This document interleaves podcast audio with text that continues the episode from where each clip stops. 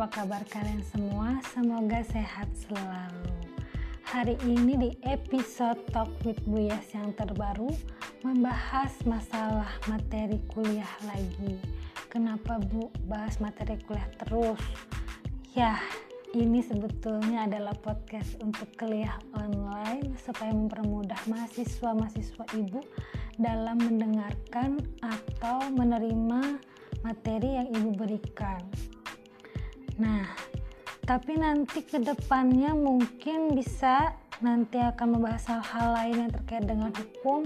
Ya masalah kasus-kasus terkini topik-topik terkini masalah sekitar kita yang masih ada kaitannya dengan hukum. Baiklah materi hukum hari ini berkaitan dengan hukum perbankan kalau di classroom itu materinya sudah melesat jauh masalah perkreditan ternyata ada materi yang terlewat. Nggak apa-apa di podcast ini ibu akan jelaskan. Yang pertama-tama masalah pengertian hukum perbankan. Itu mungkin sudah ibu jelaskan di classroom tapi ibu akan ulang kembali atau menjelaskan.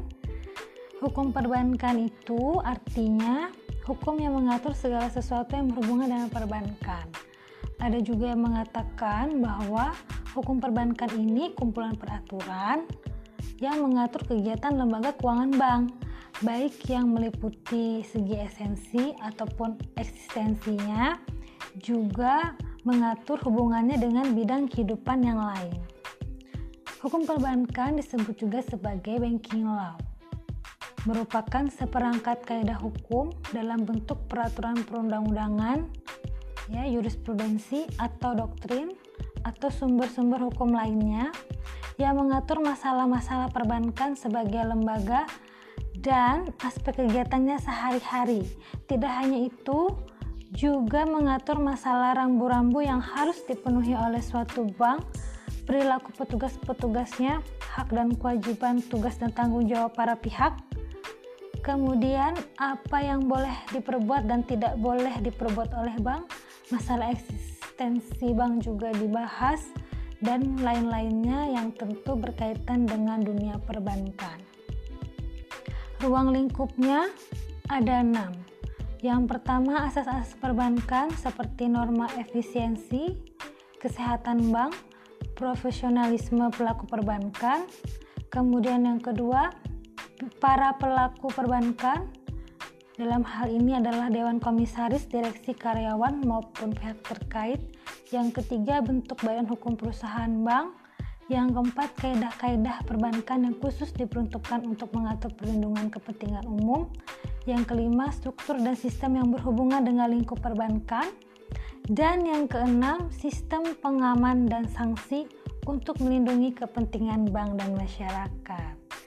Oke, selanjutnya kita masuk ke sumber hukum perbankan. Ada tiga ya, sumber primer, sekunder, dan tersier. Sumber primer ada empat.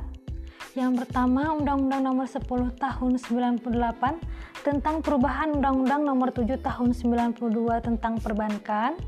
Yang kedua Undang-Undang Nomor 6 Tahun 2009 tentang penetapan peraturan pemerintah pengganti Undang-Undang Nomor 2 Tahun 2008 tentang perubahan kedua atas Undang-Undang Nomor 3 Tahun 99 mengenai Bank Indonesia. Kemudian yang ketiga, Undang-Undang Nomor 21 Tahun 2008 tentang perbankan syariah.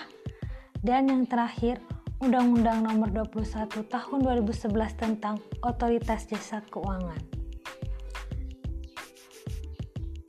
Kita bahas kembali masih sumber hukum perbankan. Ini adalah sumber yang sekundernya. Ada empat. Yang pertama Undang-Undang Nomor 24 Tahun 99 tentang lalu lintas devisa dan sistem nilai tukar.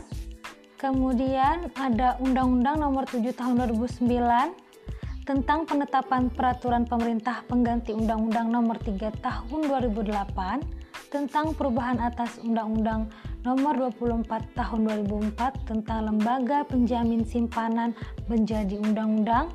Yang ketiga, Undang-Undang Nomor 8 Tahun 2010 tentang Pencegahan dan Pemberantasan TPPU dan yang terakhir Undang-Undang Nomor 3 Tahun 2011 tentang transfer dana.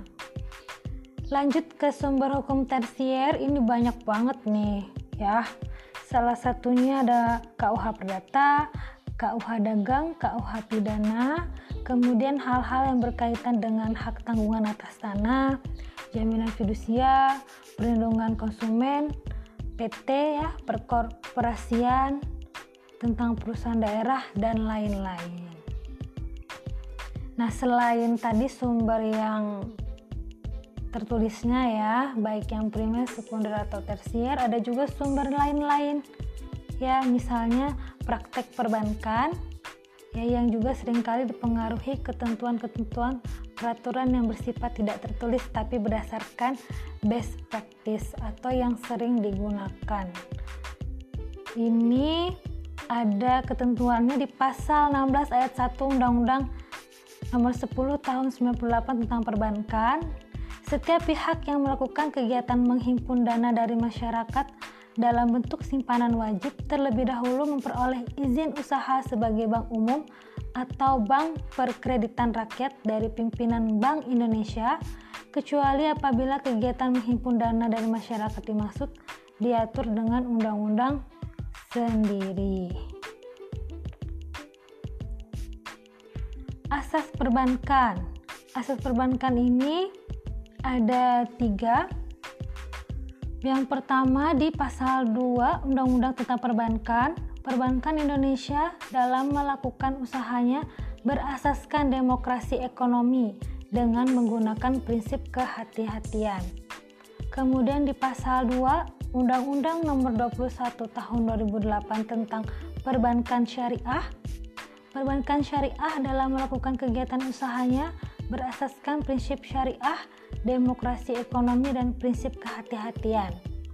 Ada nih di pasal 3 RUU Perbankan, Perbankan Indonesia dalam melakukan kegiatan usahanya berasaskan demokrasi ekonomi dengan menggunakan prinsip kehati-hatian dan tata kelola yang baik.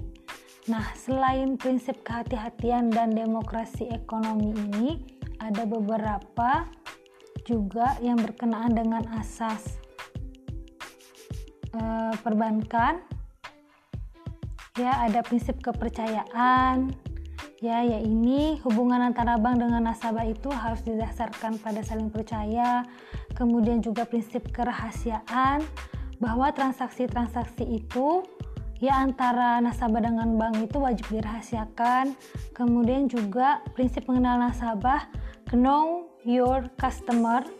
Jadi sebelum nasabah melakukan hubungan hukum dengan bank, maka hendaknya bank itu wajib mengerti dan memahami karakter nasabah.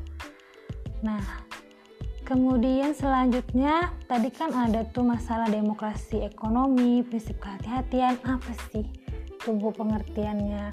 Oke, kita bahas. Demokrasi ekonomi ini maksudnya adalah sistem perekonomian berdasarkan kedaulatan rakyat demi terwujudnya kemakmuran dan keadilan sosial bagi seluruh rakyat Indonesia. Bukan keadilan sosial bagi seluruh masyarakat good looking ya, tapi ini seluruh rakyat Indonesia. Nah, prinsip kehati-hatian itu apa lagi sih, Bu? Jadi di sini adalah salah satu upaya untuk meminimalkan risiko usaha dalam pengelolaan bank baik melalui ketentuan yang ditetapkan oleh Bank Indonesia maupun ketentuan intern bank yang bersangkutan. Ini ada di pasal 4 ayat 1 Undang-Undang Nomor 24 Tahun 99 tentang lalu lintas devisa. Nah, perbankan kita ini menganut dual sistem. Yang pertama yang perbankan konvensional yang umum Kemudian ada yang perbankan syariah. Fungsi perbankan apa? Fungsi utamanya sebagai penghimpun dan penyalur dana dari masyarakat. Tujuannya menunjang pelaksanaan pembangunan nasional dalam rangka meningkatkan pemerataan pertumbuhan ekonomi dan stabilitas nasional ke arah peningkatan kesejahteraan rakyat banyak. Wow, tujuannya tuh bagus banget ya, indah sekali, seindah kata-kata cinta dia ke kamu. Iya. Yeah. Kayaknya itu aja yang mau dibahas hari ini. Sampai ketemu di podcast selanjutnya. Sampai jumpa.